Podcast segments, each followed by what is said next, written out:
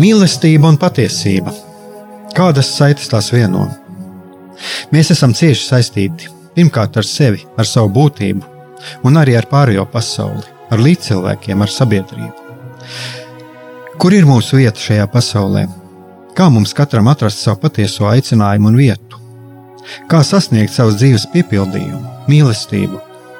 Kādi šķēršļi gan mūsu sirdī un prātā sastopamie, gan ārējie aizķēso mūsu ceļu pie Dieva? Šie jautājumi ir mūsu dzīves sastāvdaļa, svarīgi mūsu ceļā uz svētumu. Meklēsim šajā raidījumā kopā atbildes uz šiem jautājumiem. Ieklausīsimies, ko Dievs mums vēlas pateikt ar visu, ko sastopam savā dzīvē. Lai mūsu sirds un prāti atveras mīlestībai un patiesībai, raidījums mīliet cits citu.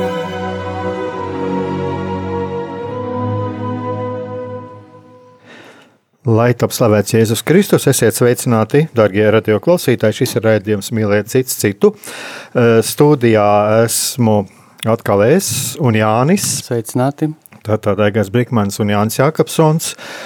Un eh, mēs turpināsim tematu par domāšanas mākslu šodien. Un uh, mazliet vēlos atgādināt arī par ko pagājušo nedēļu mēs runājām. Tātad Jānis arī pastāstīja par to, kā mūs veidojās. Veidojās šī domāšana, uztvere par šiem, par šiem mehānismiem, kas darbojās, un pastāstīja arī jā, ļoti daudz arī par, par bērnību, par pašiem tiem agrīnajiem, par cilvēka pirmsākumiem. Un, un es ievadīju uh, ar tādu līdzību, ka mums bieži vien atgādina domāt ar galvu, izmantot savu prātu, tad eh, patiesībā lielākajai daļai cilvēku šis aicinājums ir izmantot savu prātu, domāt ar galvu, ir tāds kā cilvēkam, kurš nereiz nav sēdējis pie automašīnas stūres, uh, pateikt, izmanto automašīnu, lai dotos uz savu mērķi, ņem rokās karti un brauc. Bet patiesībā bieži vien arī cilvēks ne viņš prot braukt arī ar to automašīnu, ne viņš ir, reiz, ne viņš ir ņēmis rokās karti kādreiz, ne viņš arī zina pat īsti savu mērķi. Es domāju, tā arī ir ļoti būtiski apzināties arī savu iekšējo aicinājumu, par ko es domāju, ceru, ka mēs arī parunāsim. Un uh, vēl ko es varētu piebilst, ka ja jau cilvēks nezina, kā pārvietoties ar automašīnu, tad nu, viņam kādreiz atliek tikai paņemt kādu, kas sēž pie stūres. Tā arī ir viena no problēmām sabiedrībā, ka arī šie sabiedrības stūrētāji. Uh, Tas ir atkarīgs daudz no tā, kāda viņi ir. Tas ir viens un otrs. Ja mēs runājam par mūsu garīgo dzīvi, tad mēs esam savu iespēju robežās aicināti stūrēt tomēr paši. Un es domāju, ka tas ir gan arī šī psihoterapija, gan arī garīgā līdzgaidniecība, ir eh, tās funkcijas šīm abām lietām, ir jā, cilvēkam palīdzēt turēt, būt blakus, kad viņš turē pats. Tāpēc man arī šis vārds garīgā līdzgaitniecība, piemēram, patīk labāk nekā garīgā vadība. Mm -hmm. uh, nu, garīgā pavadība vēl, vēl var būt tā, ja. Tālūk, otrs, ko es, mēs ar Jāni runājām šeit, Tātad sazināties ar mums, tiešām vēlētos šo atgriezenisko saiti. Mēs jau pagājušo, pagājušo nedēļu runājām. Viens jau ir tas, ar ko mēs jau esam darījuši, tas ir izziņas. Jā, jūs varat sūtīt jūsu izziņas. Jā, tā tad izziņas varbūt Jānis var nosaukt. Numuru. Uh, numurs uh, izziņai būs 266 77 272. Vēlreiz atkārtošu 266, 77, 272. Un, ja jūs vēlaties piezvanīt mums uz Radio Marijas studiju un uzdot kādu jautājumu vai izteikt kādu savu domu par dzirdēto, tad telefona numurs studijai būs 67. 969, 131. Vēlreiz atkārtošu. Tātad 67, 969, 131. Mēs labprāt dzirdēsim jūsu uh, domas, jūs varbūt kādu jautājumu par to, ko mēs runājam. Un mums būs arī interesanti dzirdēt tādu atgrieznisko saiti no jums. Jā, teiksim, varbūt ir kaut kas, kam jūs nepiekrītat, un jūs droši varat izteikt savu domu, vai arī pajautāt kaut ko, jā, ko mēs šeit ar Aiga runājam, gan par psiholoģiju, gan par kādu garīgo jautājumu. Man liekas, tas būtu diezgan interesanti, ja mēs izveidot tādu savstarpēju dialogu ar jums, mūsu klausītājiem. Jā, es domāju, jā, šī atgriezeniskā saite ir ļoti svarīga, jo es arī klausījos arī vienu no priestera katehēzēm, kur arī Priesteris Pēters Skudra teica, ka patiesībā jau šis ir klausītāja radio un, un ir ļoti labi, ja mēs šos raidījumus eh, veidojam visi kopā. Otrs, eh, jā, tagad mums tas ir tāds sākums ar šiem zvaniem. Man Kaut te, kas var arī jā, nesanākt. Jā, jā, tā kā eh, lūdzu neņemiet ļaunā, ja, ja iznāk aizšaut mums šeit garām, tad droši variet zvanīt otru reizi, jāpierod arī pie šīm pogām. Bet eh, tā tad uz priekšu, jā, Tātad zvaniet, droši, droši sūtiet izziņas, un mēs labprāt lasīsim, labprāt uzklausīsim, labprāt parunāsim, arī atbildēsim savu iespēju robežās. Un tagad, Jāni, ko tu gribēji šodien pastāstīt? Jā, es šodien vēlos uh, uztaisīt tādu nelielu ievadu uh, tanī, kāda ir mūsu psihes struktūra, ja uzbūve, ja, un pēc kādiem principiem tātad mūsu psihe darbojās. Ja. Pirmais, ar ko es vēlos sākt, es šodien kā piemēru stāstīšu par Junga psihes struktūru. Uh, psihes struktūras ir dažādas, ja dažādiem psiholoģijas domātājiem. Es šodien dalīšos ar Junga psihes struktūru, bet ir jāsaprot, ka pamatā Eh, pa lielam visiem psiholoģijas, kā var teikt, tēviem un dibinātājiem, viņam tā psihiskā struktūra principā ir diezgan vienāda. Ja? Līdz ar to tur ir kaut kādas mazas izmaiņas, bet uh, tas nav šobrīd tas svarīgākais. Tātad par psihiskā struktūru. Mūsu cilvēkiem, mūsu psihe, viņi ir sadalīti kā, uh, divās daļās. Ja? Tad ir jau uh, daudzreiz pieminētā apziņa, tas ir tas, ko mēs apzināmies, un ir šī zemapziņa. Un zemapziņa tas ir tas slānis, kuru mēs uh, neapzināmies, bet viņš mūsos pastāv. Ja? Un uh, iedomāsimies, ka tāds uh, klasisks salīdzinājums, tad, tad ka uh, mūsu psihe, šī apziņa, tā ir tāda, iedomāsimies, kad uh, mēs esam kaut kur Antarktīdā un mēs redzam šo te aizbergu. Ja? Un uh, šī te aizberga augšējā daļa, šis te ledus tāds uh, blāķis, ko mēs redzam, tā ir tā apziņas puse. Tas ir tas, ko mēs varam ieraudzīt, pateikt, jā, lūk, šāds es esmu, šādi es domāju, šādas ir manas intereses. Pieņemsim, es paskatos uz Aigaru, pasaku, Aigars ir garīgais līdzgaitnieks, viņš ir precējies, viņš ir tāda, tāda auguma, viņam ir tādas un tādas intereses un pārliecības, jā, viņš ir tur katolis, kristietis un tā. Tas tas, ko es redzu, bet ir kaut kas, ko es par Aigaru neredzu un ko arī Aigars neredz, jā, un tāpat arī par mani un par mums katru ir kaut kas, ko mēs neredzam, redzam, un mēs paši arī to sevi nepamanām. To var īstenībā pamanīt kā cilvēks, varbūt pat no malas, mūsu kaut kādu zemapziņas daļu, ja, personības. Bet tā, tā zemapziņas puse, tā būs tā aizberga apakšējā daļa, kuru mēs neredzam. Un tagad iedomāsimies, kā šai mūsu psihiskajai struktūrai, gan apziņai, gan zemapziņai ir dažādas istabas. To es tā nosauktu. Un šīs dažādas istabas, tas ir, ja tā var teikt, mm, tādi, tādi veidi, kā mūsu psihe strādā. Respektīvi, ja mēs runājam par apziņu, tad apziņas līmenī atrodas mūsu ego istaba. Ja? Istaba vārdā ego. Un ego tas ir viss tas, ko es par sevi domāju, kas es esmu. Mūsu ego tas ir uh, visas mūsu pārliecības un viss tas, ko mēs uzskatām par to, kas mēs esam. Piemēram, es esmu Jānis, atkal, ja es tur daru to, to un to, es esmu tas un tas un tas, es piedaru tur, tur un tur, un tas tā tad būs tāds mans ego formulējums par to, kas es esmu. Bet tad mēs atkal atgriežamies uz to, ka mūsu psihe ir šī zemapziņa, un zemapziņā būs ļoti daudz istabu. Ja? Un viena no šādām istabām, pieņemsim, mēs varam pateikt, ka tā ir uh, mūsu ēnas daļa. Ja, tātad zemapziņā būs ēna. Un ēna tas ir kaut kas, ko es par sevi neatzīstu, bet tas man piemīt. Nu, pieņemsim, es uzskatu, ka es neesmu agresīvs cilvēks, es esmu ļoti labsirdīgs un mīļš, bet īstenībā manā zemapziņā ēnas istabā slēpjas tas, kad brīžiem es esmu agresīvs, es esmu dusmīgs, bet es to nepamanu, To varbūt pamana kāda cilvēka no malas. Un es to noliedzu. Ja man kāds pateiks, ka es esmu agresīvs, es pateiktu, nē, tās ir muļķības, tu pats esi agresīvs. Tātad tas mīt manā ēnas daļas istabā. Nu, vēl viena istaba, ko es varu minēt, tādu, kas ir mūsu zemapziņā, tā ir mūsu uh, latīniski sakot, anima un animus. Ja? Respektīvi, mūsu sievišķā un vīrišķā daļa. Tas nozīmē, ka katram cilvēkam, vīrietim, uh, piemīt gan vīrišķā, gan sievišķā personības daļa, un sievietei piemīt gan vīrišķais, gan sievišķais.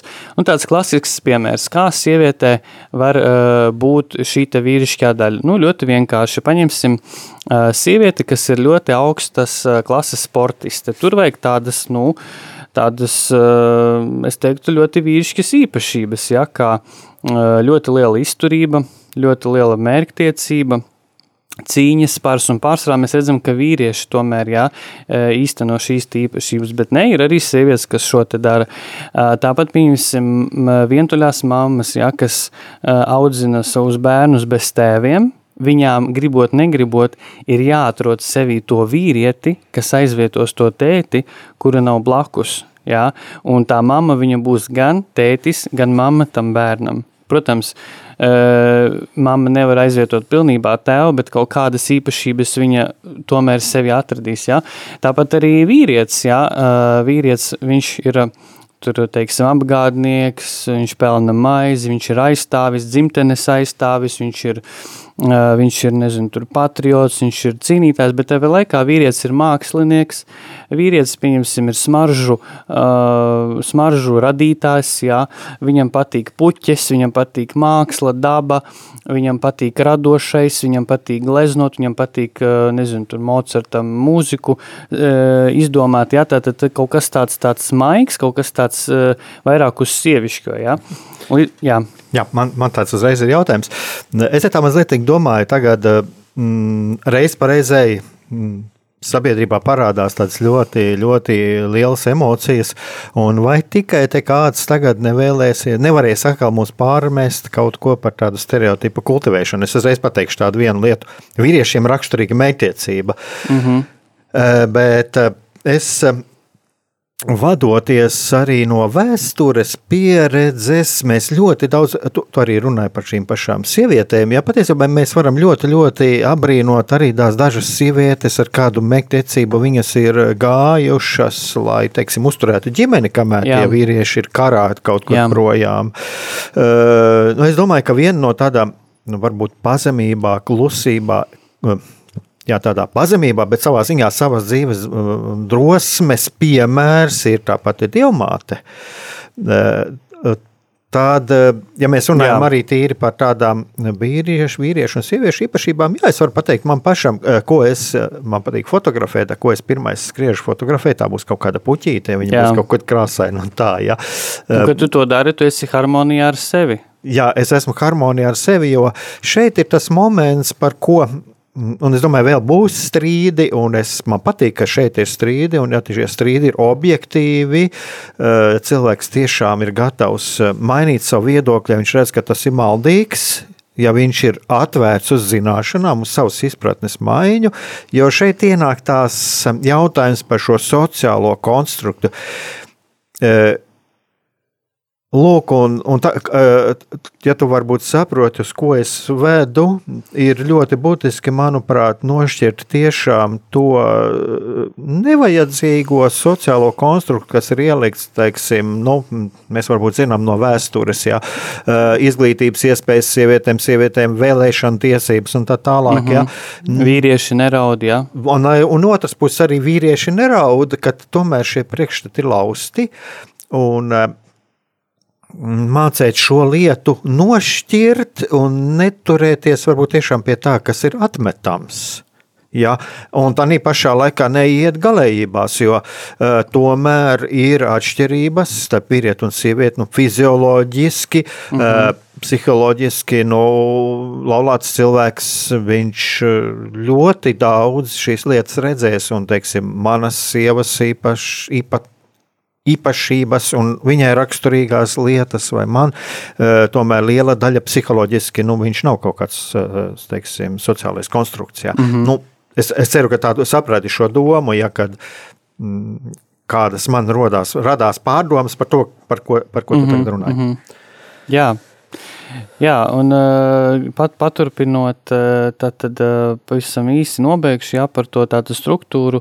Tas, ko mums ir jāzina pamatā, ka tātad mūsu psihe dalās divās daļās, tā ir apziņa, zemapziņa, un katrai šai daļai ir šīs istabiņas. Jā. Nu, tā galvenā istabiņa, tad, tad mūsu apziņā tas ir mūsu ego, tas ir tas, ko, ko mēs par sevi domājam, kas mēs esam, un mūsu zemapziņā Uh, tas, tas galvenākais būtu ir, uh, viens tātad mūsu ēnas puse, jā, ko mēs nepieņemam par sevi, un, un uh, vispār zemapziņa kā tāda, tā ir vesela liela istaba, kuru pēc iespējas mums ir jāpadara apzinātāku. Tātad nu, viens no psiholoģijas mērķiem ir tas, ka cilvēks padara savu neapzināto par apzinātu. Jā, tas ir tas, ko Jungs teica. Viņš teica, kamēr cilvēks ir savu neapzināto nepadarīs par apzinātu, tas vadīs viņa dzīvi, viņš to sauks par likteni. Ja? Es varbūt esmu jau teicis šo citātu radio eterā, un tā doma ir tāda, ka uh, kamēr mēs kaut kādas, ne visas, bet kaut kādas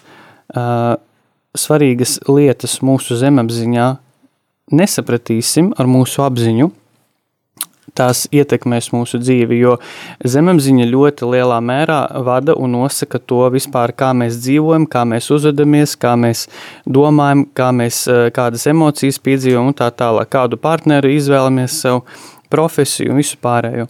Un ja mēs kaut kādas mūsu svarīgas lietas zemapziņā nepadarīsim apzinātas, ja mēs neapzināsimies, uh, tad uh, mēs vienkārši uzskatīsim, ka varbūt tas ir Dieva sots, varbūt tas ir, uh, nezinu, tur uh, bezmazliet kaut kāds lāsts vai vēl kaut kas, kādēļ manā dzīvē kaut kādas lietas griežas laiku papli. Jā, nu es minēšu tādu klasisku piemēru arī uh, provēršu divos vārdos pateikt, lai neaizkavētu.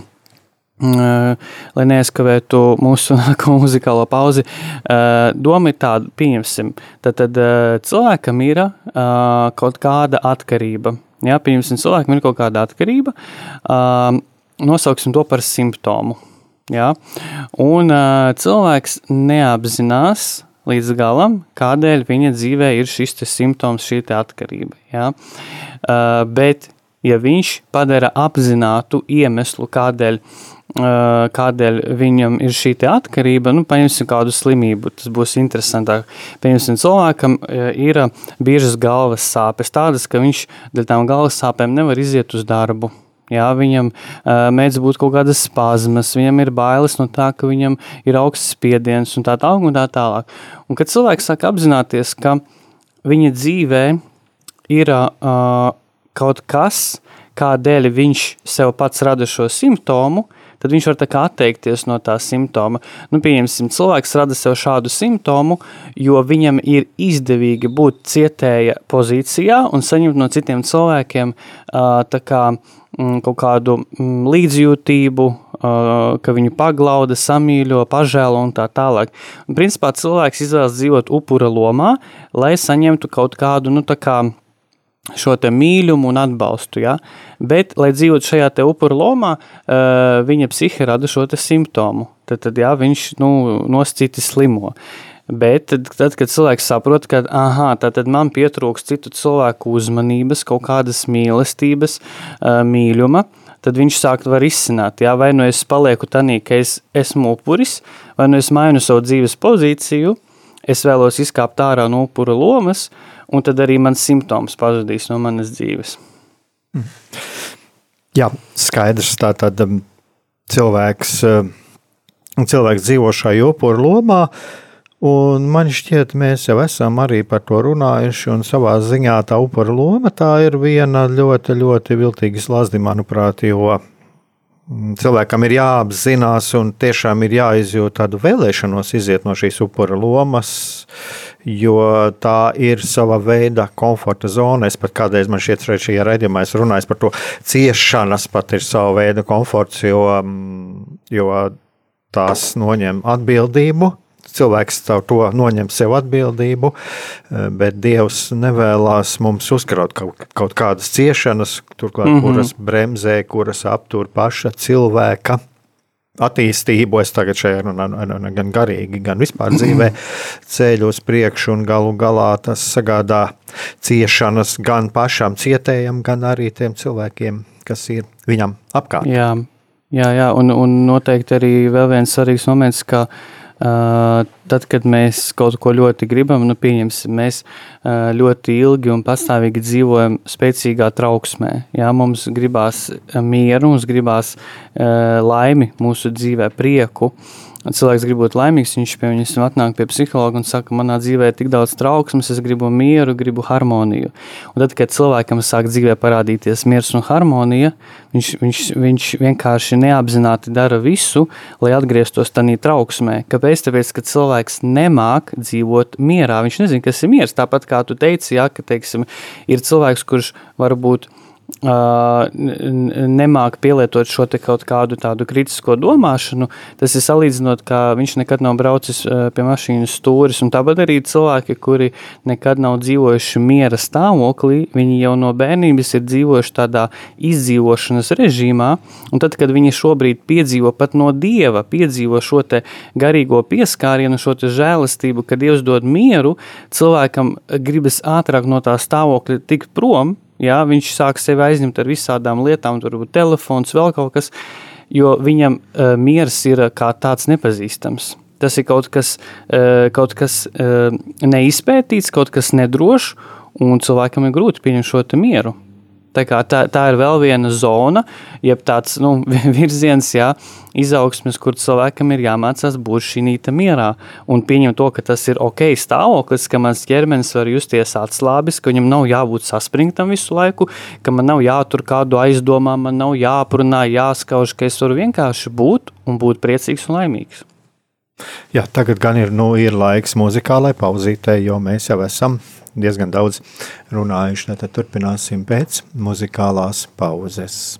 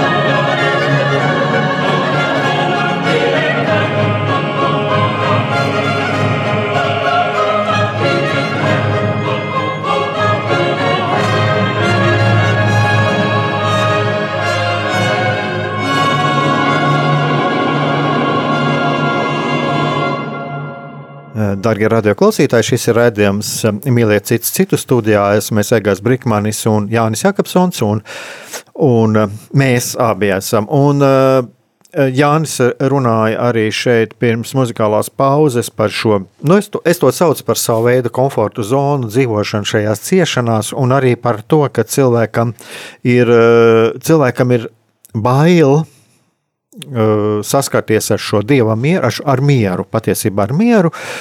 Un, kaut kādā ziņā es to arī saku tā, ka, mm, ja cilvēks ir šajā mierā, ja viņš nav ne ar ko aizņemts,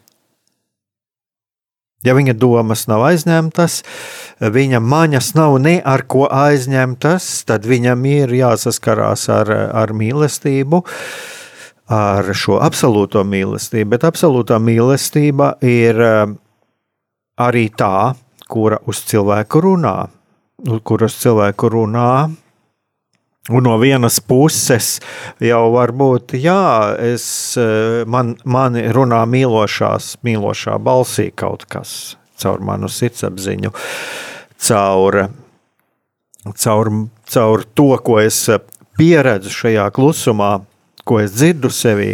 Bet eh, šeit jau ir arī tas, ka nevienmēr šī, šī balss, šī balss arī pasaka kaut ko tādu, ko es nevēlos dzirdēt. Un man šķiet, šeit ir arī tas ir ļoti svarīgi apzināties, ka ir jānokāpj no kaut kāda e, paštēla par sevi. Un e, tad, kad tu runāji par šo ego, un tu minēji arī šo frāzi, tas ir tas, kā es sevi redzu. Jā, tas ir tas, ko mēs par sevi domājam, kas mēs esam. Jā, un šeit man tad ir uzreiz arī šis jautājums, lūk, cik objektīvs ir šis ego. Mm -hmm. Jā, šis ego, cik viņš ir objektīvs, cik es objektīvi sevi redzu, kā tu teici tālāk, jā, mēs jau. Man, Nav viņš objektīvs. Jā, jo no malas cilvēks var redzēt, piemēram, manu agresivitāti vai vēl kaut kādas tādas nepatīkamākas mm -hmm. īpašības. Un, bet, bet es to noliedzu. Jā, jā man ir pirmā reakcija Man ego, mans ego to negrib pieņemt, jo mm. viņ, viņā nav tāda, ka es esmu agresīvs. Jā, jā, viņā nav tāda. Jā, jo, jo šeit ir man šis jautājums arī par šo, jā, un tālāk, ka mēs atgriežamies pie šī klusuma, eh, pie šī klusuma, ja kad nu, mēs ne ar ko neesmu, es ne ar ko neesmu aizņemts, es esmu vienkārši kaut kur klusumā. Ja, Jā. Tad ir ļoti būtiski saklausīt šo dieva balsi, saklausīt, ka tas ir Dievs, kas uz mani runā. Mm mm -hmm. šajā brīdī. Un, uh, un apzināties to, ka, uh, jā, ka tā balss tā ir šī mīlošā balss. Bet te ir vēl viena lieta. Kur man šķiet, arī par ko varētu parunāt, tas ir arī šis dieva tēls, jo mums ir ļoti grūti ieklausīties, uzklausīt mīlošu balsi. Jā. Un uh, te es atkal varu varbūt tieši arī vadoties no savas pieredzes, kad cilvēkiem ir ļoti grūti tas ir sevišķi, sevišķi ļoti labi izpaužās tad, kad cilvēki ir laulībā vai ka gatavojās laulībām. Viņiem ir kādreiz ļoti liela problēma eh, pieņemt šo mīlestību. Eh, viņam mīl, pieņem, uh, problēma pieņemt mīlestību no otra, atvērties otram, un varbūt pat viņš ir. Varbūt pat viņš ir, jā, viņš ir gatavs atvērties otram, bet tīri fiziski tīri fiziski, bet pieņemt to, ka otrs mīl, baidās. Tas ir arī savā ziņā bailes no tuvības, no kontakta. Jā, bail, vienalga, bail. vai tas būtu sarunveida kontakts vai. Jā, un, uh, un es domāju, šeit, nu šeit arī varētu ļoti, ļoti daudz runāt par to. Un, uh, Un uh, tas, bet tas atspoguļo arī to, kādas var būt attiecības pret Dievu kādas var būt attiecības pret Dievu. Jo es arī kādreiz par to teicis, ja kādas, teik, kādas teiksim, būs veidos attiecības ar cilvēkiem. Jā. Tas ir tas pirmais solis, kā tu veido savas attiecības ar, ar, ar Dievu. Noteikti. Tu nevari veidot, uh, uzticēties, pateikt, es esmu ar Jēzu, es uzticos Jēzu tev. Un neusticēties cilvēkam. Un neusticēties cilvēkam, mm -hmm. jā, vai arī neuzticēties savam laulātājam, vai, vai vispār. Ja? Mm -hmm. Jo jāsaprot, ir viena tāda ļoti būtiska lieta, ka tad, kad Jēzus arī ienāca šajā pasaulē, viņš ienāca ļoti nedrošā pasaulē, viņš ienāca ļoti nedrošās attiecībās, un viņš izgāja uz ļoti, ļoti lielu risku. Jā. Jā. Mēs, palika uzticīgs tam attiecībām. Jā, viņš palika šīm attiecībām uzticīgs. Jo te arī ir jāņem vērā, jo ir ļoti svarīgi mums ir arī pārdomāt Jēzus personību. Ja mēs teiksim, lasām dažādu teologu rakstus, eh, dažādu garīdznieku pārdomas par Jēzus personu, eh, tad arī ir šis jautājums, uzdod jautājumu, vai Jēzus zināja, ka Jūdas viņu nodos, vai Jēzus zināja, ka Pēters viņu nodos. Labi, Jā. tur Pēters viņam pateica, mm, Jēzus Pēterim atzina, jā, tā, ka pirms gailes trīs reizes uh, būs nodzie, nodzie, nodziedājis. Jā, jā, tu, no, tu, man, nolieks. tu mani nolieksi, jā. kurā brīdī, kad tas nāca Jēzum. Jā. Protams, ka mēs varam šeit spekulēt, bet mēs svētajos rakstos neatradīsim nekur, nekur mēs neatradīsim šādus skaidrojumus. Bet pa vienu lietu es esmu, es esmu drošs, un to mēs redzam, ka Jēzus staigāja par šo pasauli, ko viņš darīja. Viņš patiesībā visā šajā dzīves ceļā viņš riskēja. Mm -hmm. Tas bija tomēr. Viņš, viņš riskēja, viņš dzīvoja nedrošā pasaulē. Mm -hmm. Un šī pasaule bija nedroša sākot ar viņa dzimšanas brīdi, piedzimt Jā. kūtiņā. Uh, Uh, nu, tā mūsu izpratnē tā kūtiņa ir uh, teiksim, mazliet tāda ziemeļ, ziemeļeiropiskota, jā, bet uh, reālajā tajā svētajā zemē viņa bija savādāk, bet vienalga šie, teiksim, tādi nesevišķi komfortabli, ne, nekomfortablos apstākļos, tālāk bērnība, bēgšana uz Ēģiptu un tā tālāk, viņš ir visu laiku bijis šajā nedrošajā pasaulē. Bet šajā nedrošajā pasaulē mēs nevaram dzīvot, ja mēs neesam gatavi uzticēties. Jā. Ja mēs jā, neesam jā. gatavi uzticēties, un man šķiet, es arī iepriekšējā raidījumā par to runāju, Iepriekšējā raidījumā es arī par to runāju. Uzticēties nenozīmē uzticēties muļķīgi.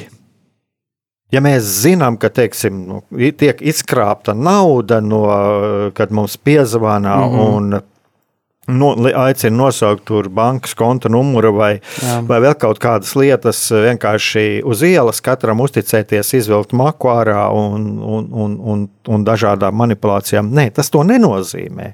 Tas to nenozīmē. Mums ir jāuzticas gudri. Un Jā. mūsu pieredze ir tā, kura mums māca, māca arī šo gudrību. Bet šeit ir cita lieta. Es uzticos, es uzticos laulībā, es uzticos uh, darba attiecībās, es mācos uzticēties, mēs uh, un uzticamies, mācos dialogu ar otru, mācos mm -hmm. otru saprast. Tā ir vesela tāda komplicēta joma. komplicēta attiecību joma. Mm. Un tas man kaut kā šīs, šīs, šīs domas, kāpēc man viņas arī radās, viņas savā ziņā man šīs domas arī radās pēc tā, ko tu teici par šo, šo klusumu. Jā. Jo mums ir ļoti, ļoti bail no šī klusuma. Un jāpadomā, ir, kāpēc? Kāpēc mums ir ļoti grūti būt šajā klusumā? Kāpēc mēs gribam sevi visu laiku ar kaut ko nodarbināt. Un varbūt tas ir tas, ka mēs baidāmies no tās mīlestības balss, kas mums runā klusumā. Jā, un, un šeit es arī piebildīšu, var, jā? Tu gribi pabeidz? Jā, var piebilst droši. Jā. Var piebilst okay. droši. Tas varbūt būs pat kā odziņa. Jā, tu, tu teici, jā, ka mēs varam baidīties no šīs mīlestības balss, un man liekas, ka to mēs varam uzreiz salikt kā domu zīme, ka uh, mēs iespējams baidamies sadzirdēt šo Dieva balsi mūsos, jo nu kā, mums māca, ka Dievs ir tēvs, ja, un Dievs mums automātiski veido asociāciju ar mūsu aprūpes personām, ar mūsu vecākiem vai kādu citu, kas mūs ir audzinājis. Un ja mēs esam piedzīvojuši no mūsu aprūpes personas, no tēva, no mammas, no vecmāmiņas, ka uh, šis cilvēks ir ļoti neparedzams, ka viņa mīlestība ir nedroša, tad arī mēs nevēlamies dzirdēt šo Dieva mīlestības balsi, jo Dievs mums asociējas ar kaut ko nedrošu. Kad Dievs man pateiks kaut ko, kas mani sāpinās, ka Dievs no manis pieprasīs kaut ko, kas ir pāri maniem spēkiem, ka Dievs mani aicinās uz kaut ko, ko es negribēšu, Ja? Un tāpēc labāk es šo Dieva balsi nemaz ne, nedzirdēšu, neklausīšos, jo Dievs man ir proporcionāli tam, kādi ir bijuši mani uh, vecāki vai aprūpes personas. Mhm. Es domāju, ka tas ir ļoti labi, ko tu pateici. Un es, es gribēju teikt, tas varbūt, ko tu gribi piebilst. Jā, tā ir kā sava veida tāda odziņa tam, par, ko es, par mm ko es runāju. Bet tagad es domāju, mēs atkal varētu kādu muzikālu pauzīti paņemt, jo mēs jau esam diezgan. Jā, un varbūt to numuriņu nosauksim. Un, kamēr, à, varbūt jā, arī nosauc, nosauc to. jā, numuriņu. jūs, jūs varat vēl paspēt piezvanīt uz studiju, kamēr mēs, kamēr mēs vadām redzējumu. Šobrīd būs muzikālā pauze, un tad, tad numurs studijā būs ā, 67, 969, 131. Un Tagad muzikālo pauzīti.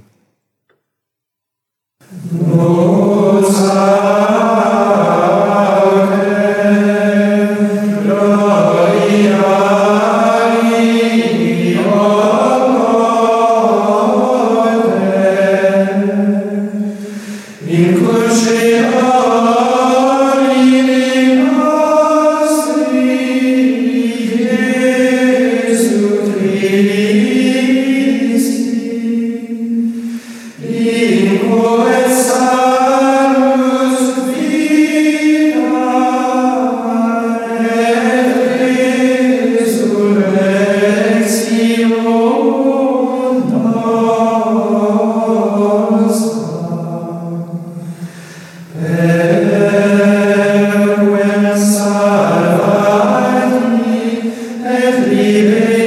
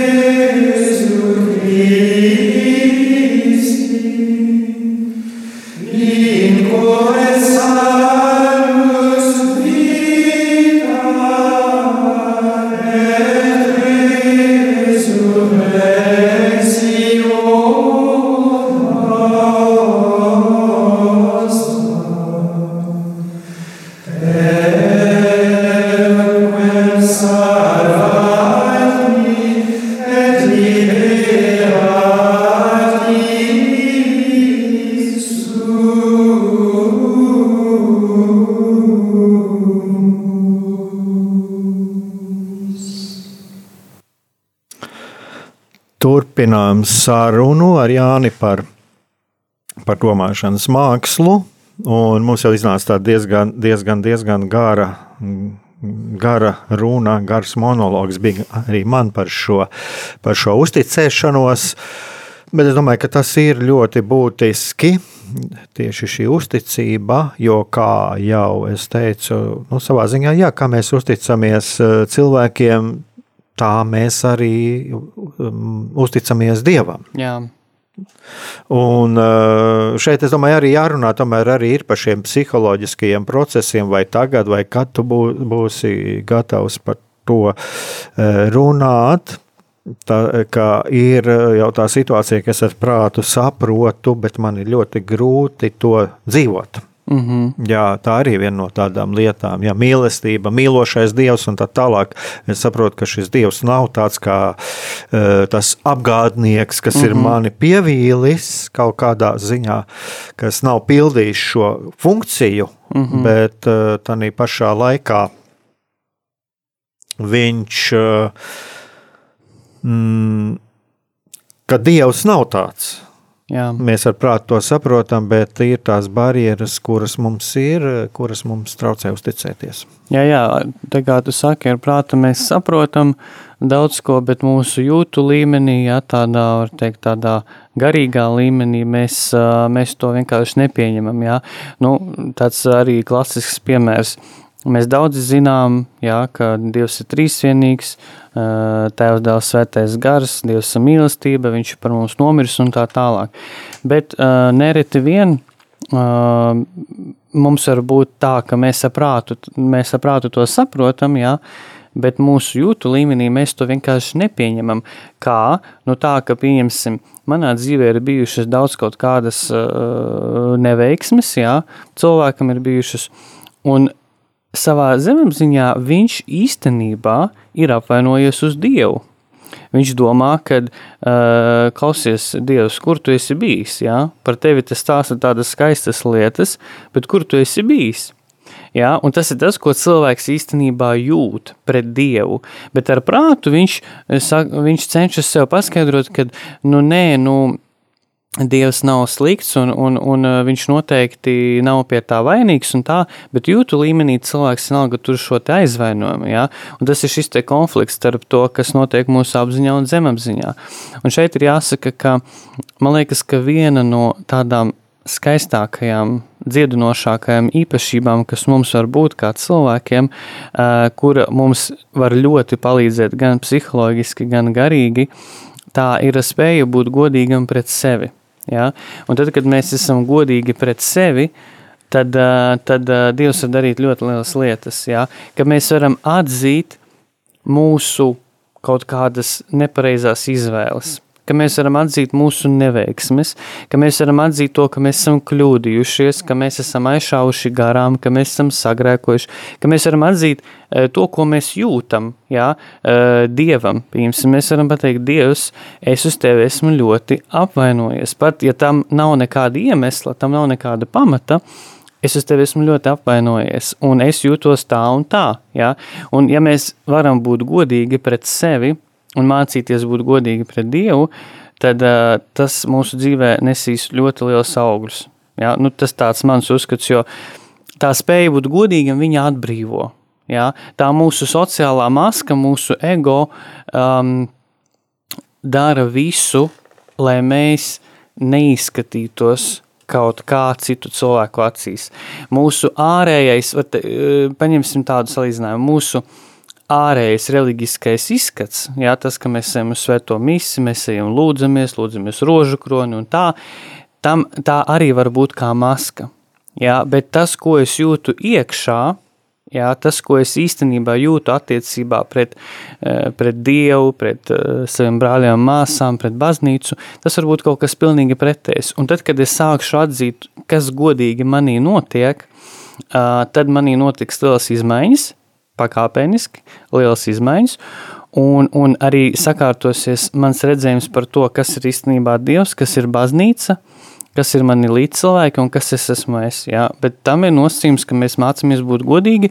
Un šeit atkal jāsaka, ka uh, tas tiešām ir jāmācās, jo tas nav viegli būt godīgam, jo atzīt kaut ko, ko es nevēlos atzīt, tas man var rast trauksmi, tas, man, tas var radīt manī kaut kādu mm, nemieru. Jā, kā es tagad pateikšu to, ka es esmu uh, atzīšu to, ka es esmu, pie, pieņemsim, desmit gadus uh, izmetis miskastē, ka es esmu mācījies to, kas vispār man neinteresē, bet to, ko man uzspieda, pieņemsim, mani vecāki. Ja? Kā es varēšu atzīt to, ka es esmu jau piecus gadus nelaimīgs manā, nezinu, tur laulībā. Un tas taču ir šausmas, visi taču domā, ka mēs esam laimīgi un, un paskaties, un mums pat ir bērni un viss notiek. Uh, Bet īstenībā cilvēks jūtas nelaimīgs. Ja? Un tad, kad viņš, viņš spēj sev to pateikt, viņš spēj to pateikt dievam, savam līdzgaitniekam, garīdzniekam, psihologam, psihoterapeitam, viņā sākas dziedināšanas process. Ja? Un tad arī attiecības atjaunojas, attiecības ar baznīcu un tā tālāk. Jā, nu šeit ir viena tāda būtiska lieta, kuru es domāju, ir jāatgādina. Uh, Un no kā varbūt cilvēki arī nobijas tās, tas ir eh, attiecības ar Dievu. Un eh, būt arī godīgām attiecībās pret Dievu un atzīt, ja es uz Dievu dusmojos, tad arī atzīt to. Jā, jā. Un eh, šeit varētu būt arī tāds kļūdains priekšstats. Un eh, es atceros, eh, ko tu pagājušajā reizē teici par nacisiem. Piemēram, ka nacis tas arī patiesībā nav tāds morālās kategorijās vērtējams. Un tagad es varētu pateikt, arī tas ir arī attiecībās ar, ar Dievu. Dusmas uz Dievu, es pat uzdrošināšos teikt, dusmas uz Dievu nav grēks, ja mēs viņus izdzīvojam pareizi, gudri. Un es domāju, ka tas ir arī uh, svarīgi attiecot, ja mēs runājam par um, mēs runājam par eh, domāšanas mākslu.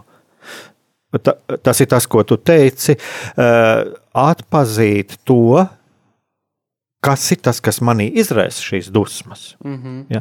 Jo dusmas uz Dievu jau tās ir labi. Es dusmojos uz Dievu, bet tikpat labi es, būdams visādā ziņā ļoti labs cilvēks, varu dusmoties arī uz citu cilvēku.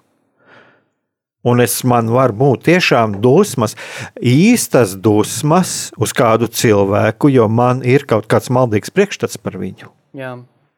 Jā, jā. Jau tā mēs varam tā uh, salīdzināt. Ja? Un, uh, kur, ir tā, kur ir tā lieta? Tajā brīdī, kad cilvēks izjūtās dusmas uz šo nevainīgo cilvēku, tajā brīdī jau tas nav grēks. Grēks sākās tad, kad viņš sāk sevī šīs dusmas kultivēt. Kad viņš apzināti izvairās noskaidrot patiesību, viņš apzināti izvairās no dialoga. Jā, vai arī aizvainot citu cilvēku ar mērķi, ja dusmojas, lai. Dusmoties un vēl tālāk kaut, kaut kādu atriebību. Un es domāju, un tas pats ir arī attiecībās uz Dievu. Ehm, man nāk prātā, es tagad paklausos kādreiz ir tāds, es kādreiz ļoti, ļoti sen klausījos, un, un pirms dažiem gadiem es atkal domāju, paklausieties internetā. Tāds Jakovs Krotos, viņš ir pareizticīgo, grieķu pareizticīgo ukrāņu baznīcas priesteris un vēsturnieks. Viņu interesanti klausīties, tāpēc viņš ir vēsturnieks, un viņš arī tur par bībeli, par bībeli runā un tā. Eh, daudz uz viņu dusmotos, eh, un es ja arī varbūt eh, klausoties, ko viņš runā, bet tur ir ļoti vērts ieklausīties. Es atceros, kāda diskusija bija par ciešanām un par dusmām. Pirms dažiem gadiem es klausījos, un viņš izteica tādu frāzi: Dievs nedusmosies, ja jūs slimnīcā slimnieks, gulēdams, ciestams, lamāsiet Dievu. Bet, ja jūs lamāsiet to otru pacientu, kas tur blakus guļ, jā, un vainosiet par savu, tad gan Dievs dusmosies. Jā. Un, eh, es domāju, ka šeit arī ļoti svarīgi ir apzināties arī to, ka eh, Dievs zina Dievs zina mūsu stāvokli, mhm. un, un viņš arī tāpēc saprot, jo es, es varu teikt, tā manā, manis paša personīgajā dzīvē bija tā, ka cilvēks, kas arī saruna bija, kurš, kurš patiesībā ļoti lielās dusmās un izmisumā nolamāja, tiešām, teiksim, no, no, izkliedza dusmas uz Dievu, uz baznīcu, uz mani. Uh mhm. -huh. un, un tajā brīdī bija šis skaistākais eh, moments, man šķiet, jo, jo tajā brīdī sāka Dievs darboties. Jo cilvēks izteica atklāti, atklāti savu sāpju un atklāties dusmojās uz baznīcu un vispār to arī esi mm -hmm. fuja un viss un tā. Un, un, un tad sāka kaut kas atvērties un cilvēkam dzīvē sāk kaut kas notiek, notikt. Eh, un tāpēc, jā, ir ļoti svarīgi būt patiesam, būt mm -hmm. patiesam un, un, un, un Dievs eh, gaida, lai mēs būtu patiesi, un, un gaida arī, lai mēs izteiktu tās Jā, arī ja mēs dusmojam, dusmojamies uz viņu, lai mēs to jā. izsakām.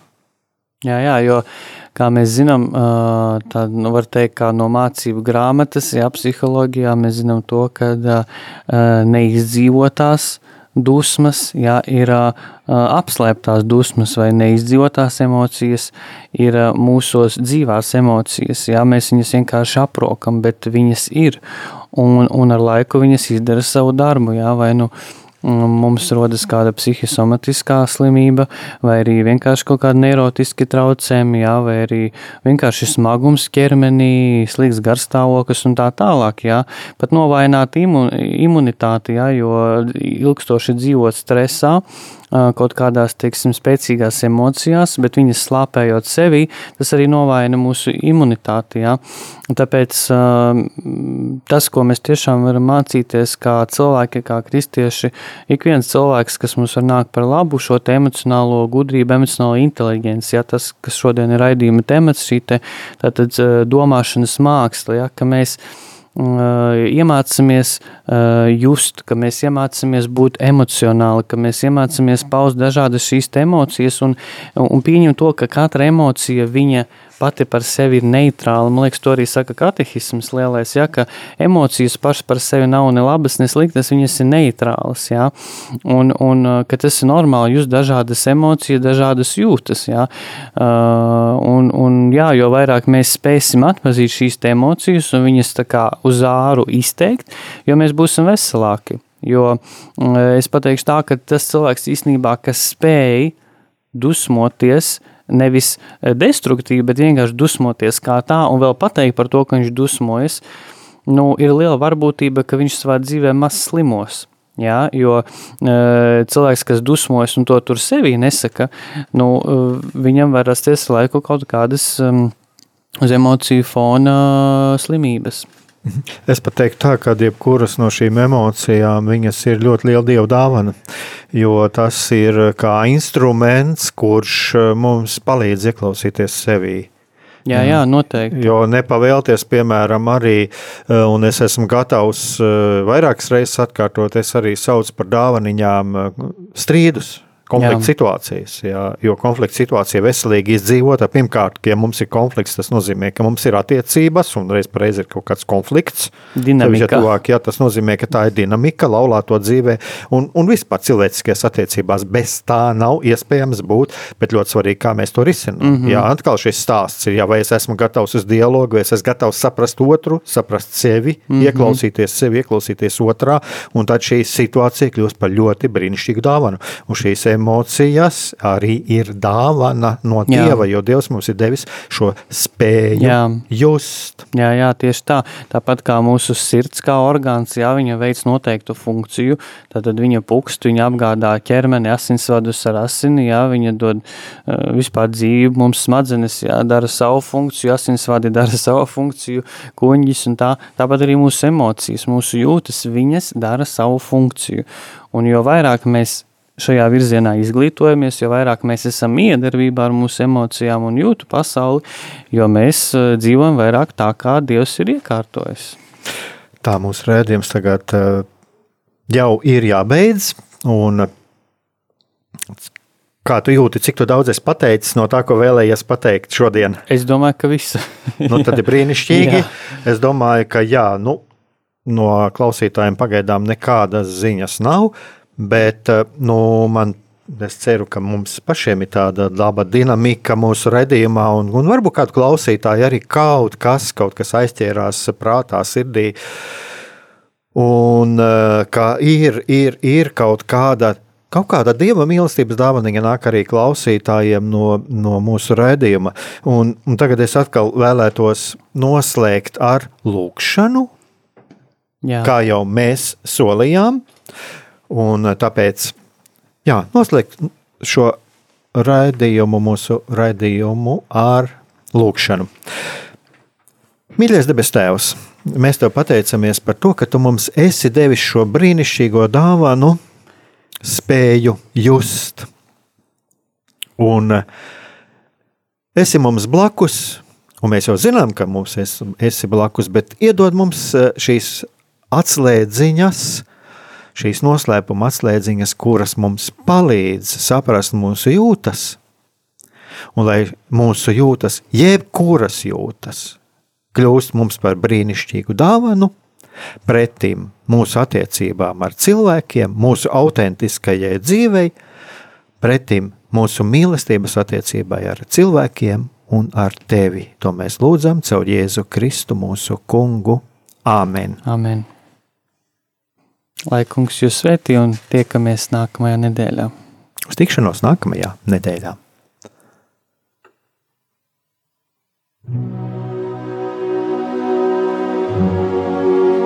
Mīlestība un patiesība. Kādas saites tās vieno? Mēs esam cieši saistīti pirmkārt ar sevi, ar savu būtību, un arī ar pārējo pasauli, ar līdzcilvēkiem, ar sabiedrību. Kur ir mūsu vieta šajā pasaulē? Kā mums katram atrast savu patieso aicinājumu un vietu? Kā sasniegt savas dzīves piepildījumu, mīlestību? Kādi šķēršļi gan mūsu sirdī un prātā sastopamie, gan ārējie aizķēso mūsu ceļu pie Dieva? Šie jautājumi ir mūsu dzīves sastāvdaļa, svarīgi mūsu ceļā uz svētumu. Meklēsim šajā raidījumā kopā atbildes uz šiem jautājumiem. Ieklausīsimies, ko Dievs mums vēlas pateikt ar visu, ko sastopam savā dzīvē. Lai mūsu sirds un prāti atveras mīlestībai un patiesībai, raidījums mīliet citu citu.